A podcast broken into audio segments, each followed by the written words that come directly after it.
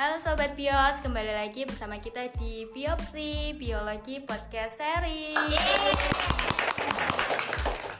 uh, Oke nih, jumpa lagi ya dengan kita. Udah lama sekali nih Sobat Bios, kita nggak menyapa Sobat Bios nih ya. Oke, sebelumnya perkenalkan, aku Anisufania dari Divisi Kastrat. Kali ini kita kembali dengan suasana yang akhir-akhir ini masih hangat di kalangan mahasiswa bahkan masyarakat nih Sobat Bios. Kira-kira apa ya? Yaitu terkait kenaikan harga BBM. Nah, itu bukan lagi sekedar isu ya Sobat Bios, bahkan sudah terrealisasikan saat ini. Nah, dari situ banyak kali perspektif yang muncul dari berbagai kalangan untuk lebih jelasnya lagi. Uh, Oke nih Sobat Bios, mari kita kulik-kulik bersama narasumber kita kali ini ada Kak Rizal dari Ketua Departemen Kastratpol BMF KIP Untidar 2022.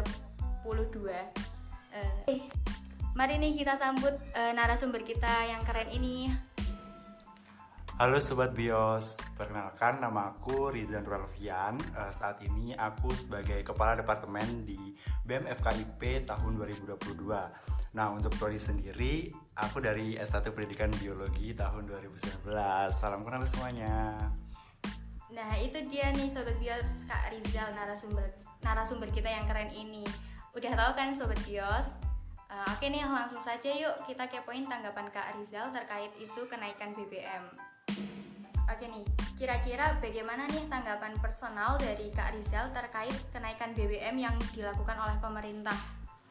Oke, kalau tanggapan dari aku ya soal kenaikan BBM ini sebenarnya dari aku cukup kaget dan juga dibilang agak keberatan sih dengan apalagi kalau aku sebagai mahasiswa ya Uh, mengapa aku bilang kaget? Karena pada bulan Juli di tahun 2022 lalu, itu dari Pak Presiden kita, Bapak Joko Widodo itu pernah menyampaikan pernyataan bahwa tidak akan ada kenaikan harga BBM, listrik, dan gas LPG bersubsidi hingga akhir tahun. Nah, akan tetapi pada kenyataannya pada saat ini itu uh, kenyataan yang sudah disampaikan oleh Pak Jokowi tadi itu bertentangan dengan kebijakan yang sudah dibuat. Nah, di mana pada tanggal 3 September kemarin eh, tahun 2022 ya, teman-teman, itu dari Pak Presiden Jokowi resmi mengumumkan penyesuaian harga bahan bakar minyak atau BBM yang ada di Indonesia. Nah, kebijakan tersebut dikeluarkan melalui keputusan Menteri ESDM nomor 218K garis miring MG01 garis miring MEMM garis miring tahun 2022. Nah, jadi tanggapanku seperti itu sobat bios. Uh, kalau aku dibilang kaget ya kaget dan juga bisa dibilang juga uh, cukup keberatan sih dengan adanya kenaikan BBM ini. Uh, Oke nih gitu nih sobat bios. Jadi tanggapan dari Kak sendiri itu kaget ya sebenarnya sama sih ya. Aku juga uh, kaget dan mungkin banyak dari masa masyarakat dan mahasiswa itu juga tanggapannya sama seperti itu. Kayak kaget gitu loh. Karena kan awalnya uh, tidak ada aba-aba untuk dinaikkan gitu. Tapi kok tiba-tiba seketika dinaikkan saja gitu kan. Jadi rada kaget ya. Oke nih, berarti kira-kira kalau dari sudut pandang pemerintah sendiri apa sih yang Kak Rizal tahu tentang apa yang melatar belakangi kenaikan PBM tersebut?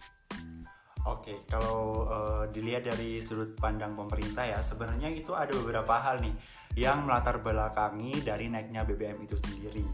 Nah, untuk yang aku ketahui, yang pertama itu ada membengkaknya dana APBN yang dianggarkan untuk subsidi BBM. Sebagaimana di sini itu dijelaskan bahwa eh, pembengkakan APBN itu merupakan salah satu alasan dari pemerintah untuk menaikkan harga BBM. Di mana anggaran APBN untuk subsidi BBM yang semula dianggarkan sekitar 152 triliun itu membengkak menjadi 500 2 triliun itu merupakan pembangkangan yang sangat luar biasa sih menurut aku juga nah Angka tersebut itu juga memiliki peluang untuk mencapai 600 triliun jika dalam hal ini subsidi BBM tetap terus dijalankan. Nah, kemudian untuk alasan yang kedua itu keadaan minyak dunia yang tidak stabil atau fluktuatif. Nah, meskipun kenaikan harga BBM dibarengi dengan turunnya harga minyak dunia, akan tetapi turunnya harga minyak dunia tersebut itu tetap menaikkan anggaran subsidi BBM.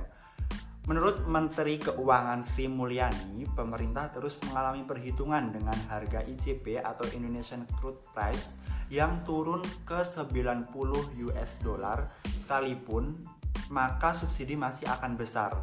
Menurutnya, uh, menurut dari Ibu Sri Mulyani sendiri itu, uh, meski harga ICP mencapai 90 US, US dollar, subsidi berada masih di sekitar 98,9 US dollar. Nah, hari ini uh, tetap dikhawatirkan akan terus membengkakkan anggaran APBN itu tadi.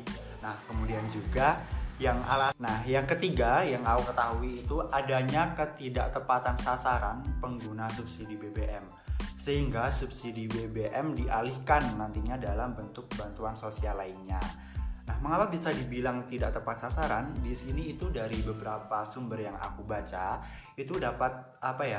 dimengerti bahwa banyak sekali mobil-mobil ataupun kendaraan-kendaraan dari kalangan menengah ke atas itu masih menggunakan BBM bersubsidi. Nah, sehingga dalam hal ini pemerintah mengalihkan bentuk subsidi untuk masyarakat menengah ke bawah itu dalam bentuk bantuan sosial lainnya seperti BLT dan juga BSU seperti itu. Nah, oke nih gitu nih teman-teman. Jadi uh, ada tiga hal yang melatar belakangi dari kenaikan BBM tersebut. Uh, yang salah satunya itu yang paling utama itu karena membengkaknya dana APBN uh, eh, dari pemerintah. Jadi uh, itu yang menjadi alasan utama kenapa BBM itu dinaikkan dan yang lainnya itu ada minyak dunia yang tidak stabil dan yang ketiga itu terdapat ketidaktepatan sasaran pengguna BBM jadi kayak gitu ya teman-teman. E, kenapa BBM tuh kok bisa dinaikkan gitu. Nah dampak kenaikan dari BBM tersebut terhadap hidup, kehidupan masyarakat dari pandangan Kak Rizal itu seperti apa nih kira-kira? Oke, kalau ditanyain terkait dampak ya, uh, di sini menurut aku dari dampak kenaikan BBM dari sudut ak, sudut pandang aku khususnya itu banyak banget dan luas banget, apalagi yang dirasakan oleh uh, masyarakat menengah ke bawah ya apalagi juga di sini kan dari e, berbagai sektor juga itu sangat bergantung sekali dengan adanya BBM misalkan saja ada sektor industri kemudian juga transportasi. Jadi di sini itu kalau ditanya terkait dampaknya itu yang aku tahu itu juga banyak sekali kayak sopir-sopir angkot yang merasa terbebani dengan adanya kenaikan BBM, kemudian juga kenaikan harga BBM ini berdampak pada uh, kenaikan kebutuhan harga pokok di mana di sini kan regulasinya itu mereka saling bergantungan di mana nanti transportasi itu juga uh, mempengaruhi pada kenaikan harga pokok. Selain itu juga di mana juga di sektor industri itu juga sangat berdampak sekali seperti yang kita ketahui banyak sekali uh, dari karyawan-karyawan yang di PHK karena dengan alasan untuk pemangkasan gaji karyawan di mana di sini itu uh, anggaran gaji itu dialokasi dialokasikan kembali untuk uh, menyikapi adanya kenaikan BBM ini seperti itu.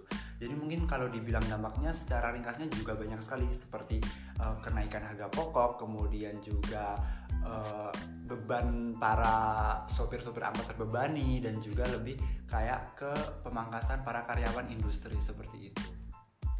Uh, Oke okay nih, jadi seperti itu ya teman-teman. Jadi tuh dampaknya tuh secara umumnya tuh banyak yang merasa terbebani di kalangan menengah ke bawah. Kemudian juga kenaikan BBM ini tuh memicu dampak pada sektor-sektor lainnya. Jadi nggak cuma dalam sektor uh, dunia industri saja, tapi di sektor lainnya pun juga terkena imbasnya gitu loh. Nah, e, dari situ bagaimana sih Kak sikap yang bisa kita ambil dalam menghadapi kenaikan BBM versi Kak Rizal? Oke, kalau terkait tentang sikap ya dalam hal ini dari aku yang notabene masih sebagai seorang mahasiswa itu bisa dibilang di sini dari kita yang seorang mahasiswa itu harus memiliki pemikiran-pemikiran yang lebih terbuka. Nah, dalam menyikapi kenaikan BBM ini itu kita tidak boleh saja hanya memandang dari satu sudut pandang baik itu pemerintah maupun masyarakat. Nah, kita perlu mengetahui dan menganalisis setiap kebijakan yang dibuat oleh pemerintah. Selain itu, kita juga perlu memikirkan dampak yang dirasakan oleh masyarakat dari adanya kebijakan tersebut. Sehingga dalam hal ini, eh, ketika kita menyikapi atau memberikan tanggapan terkait kenaikan BBM ini, tidak terkesan mendukung pemerintah ataupun masyarakat saja. Jadi uh, kalau sikap dari aku ya kita harus lebih kayak membuka pemikiran kita nih kira-kira alasan pemerintah apa menaikkan BBM ini kemudian juga dampaknya seperti apa di masyarakat sehingga nanti kita bisa mengambil keputusan atau bisa memberikan sikap yang bijak dalam uh, menanggapi naiknya BBM ini. Nih teman-teman, jadi kayak gitu ya teman-teman. Uh, kita tuh sebagai mahasiswa kita harus mempunyai pemikiran yang terbuka. Jadi nggak menuntut atau menyalahkan pemerintah. Jadi kita juga harus nggak berpihak sama pemerintah atau nggak berpihak sama masyarakat juga kita juga e, harus memiliki pemikiran yang terbuka terhadap pemerintah dan masyarakat juga. Nah kemudian nih menurut Kak Rizal langkah apa nih yang diambil pemerintah seharusnya? Seperti apa untuk melihat banyaknya masyarakat yang melakukan aksi demonstrasi menentang adanya kenaikan harga BBM tersebut?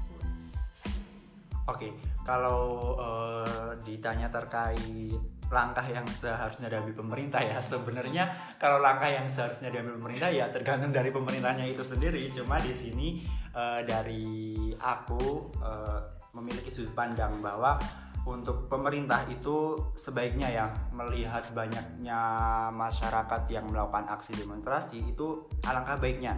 Dari pemerintah itu dapat menghiraukan dan juga merespon adanya tindak-tindakan demonstrasi yang dilakukan oleh masyarakat sendiri. Pemerintah baiknya juga melakukan kajian nih lebih lanjut terkait dampak yang ditimbulkan dari adanya penerapan kebijakan baru terkhusus dari kebijakan menaikkan harga BBM itu. Kemudian juga e, mengingat alasan pemerintah mengapa menaikkan harga BBM yang mana salah satunya itu dikarenakan adanya ketidaktepatan sasaran BBM bersubsidi. Nah, dalam hal ini uh, pemerintah juga bisa nih melakukan cara kayak mengoptimalkan sebuah sistem ataupun regulasi di mana nantinya eh, BBM bersubsidi ini dapat tepat sasaran kepada masyarakat. Misalnya saja nih kan saat ini dari pemerintah udah ada aplikasi My Pertamina. Nah, dalam hal ini itu bisa dioptimalkan lagi terkait sistem atau kinerja dari aplikasi tersebut misalnya saja bisa digunakan untuk mendata beberapa plat nomor yang sekiranya emang itu merupakan plat nomor kendaraan yang harus disubsidi oleh pemerintah itu bisa dimaksimalkan di situ sehingga di sini kayak uh, apa ya pemerintah itu memiliki regulasi yang tepat tidak hanya di, uh, dari pemerintah itu menaikkan BBM tapi untuk ketepatan dan juga regulasinya dari kenaikan BBM ini itu dapat berjalan dengan jelas dan lancar sehingga di sini tidak terkesan memberatkan dari masyarakat saja seperti itu. Oke nih teman-teman, jadi aku juga setuju sih sama pendapatnya Kak Rizal. E, sebaiknya pemerintah itu merespon dan mengkaji lebih lanjut terhadap kebijakan kenaikan BBM tersebut dan lebih memperhatikan terhadap sasaran dari BBM tersebut itu e, sasarannya kayak gimana kayak gitu loh. Oke nih, Nah, oke nih teman-teman, jadi uh, kita udah di penghujung uh, podcast ini. Nah, untuk sebagai closingannya, aku mengajukan satu pertanyaan nih untuk Kak Rizal. Kira-kira sebagai mahasiswa kita tuh harusnya ngapain sih Kak terkait adanya kenaikan BBM tersebut? Oke, ditanya sebagai seorang mahasiswa. Kembali lagi pada uh, di awal tadi seperti yang aku sampaikan bahwa di sini sebagai mahasiswa itu kita memiliki bekal pengetahuan yang cukup baik dan juga pemikiran yang terbuka. Maka dalam hal ini, dalam menyikapi kenaikan BBM tentunya kita harus bisa membuka pemikiran kita, melakukan analisis dan juga pengkajian terhadap kebijakan yang sudah ditetapkan oleh pemerintah. Sehingga nantinya itu kita tidak hanya memihak pada salah satu pihak saja, dalam artian memihak pada pemerintah ataupun masyarakat. Nah, kemudian juga jika kita sebagai mahasiswa perlu membantu masyarakat dalam menyuarakan aspirasinya, maka kita harus melakukan hal ini dengan cara dan mekanisme yang sesuai. Jangan hanya sekedar ikut-ikutan tanpa mengetahui esensi dari apa yang kita suarakan seperti itu. Nah, oke nih gitu nih jadi sobat biosma jadi kita tuh sebagai mahasiswa tuh harus mempunyai sikap terbuka uh, dan kita juga sebagai mahasiswa uh, seberusaha mungkin bisa membuka dan membantu masyarakat menyuarakan aspirasi uh, sebagai bentuk keterbukaan kita terhadap masyarakat kayak gitu nih teman-teman. Nah kira-kira seperti itu sobat bios uh, gambaran uh, perspektif dari kalangan mahasiswa yang sudah terwakilkan oleh Kak Rizal. Sudah banyak taunya ya sobat bios. Nah, semoga podcast kami bisa menemani di sela-sela kesibukan Sobat Bios. Uh, aku selaku host beserta narasumber pamit undur diri dari podcast biopsi ini. Uh, terima kasih. See you Sobat Bios.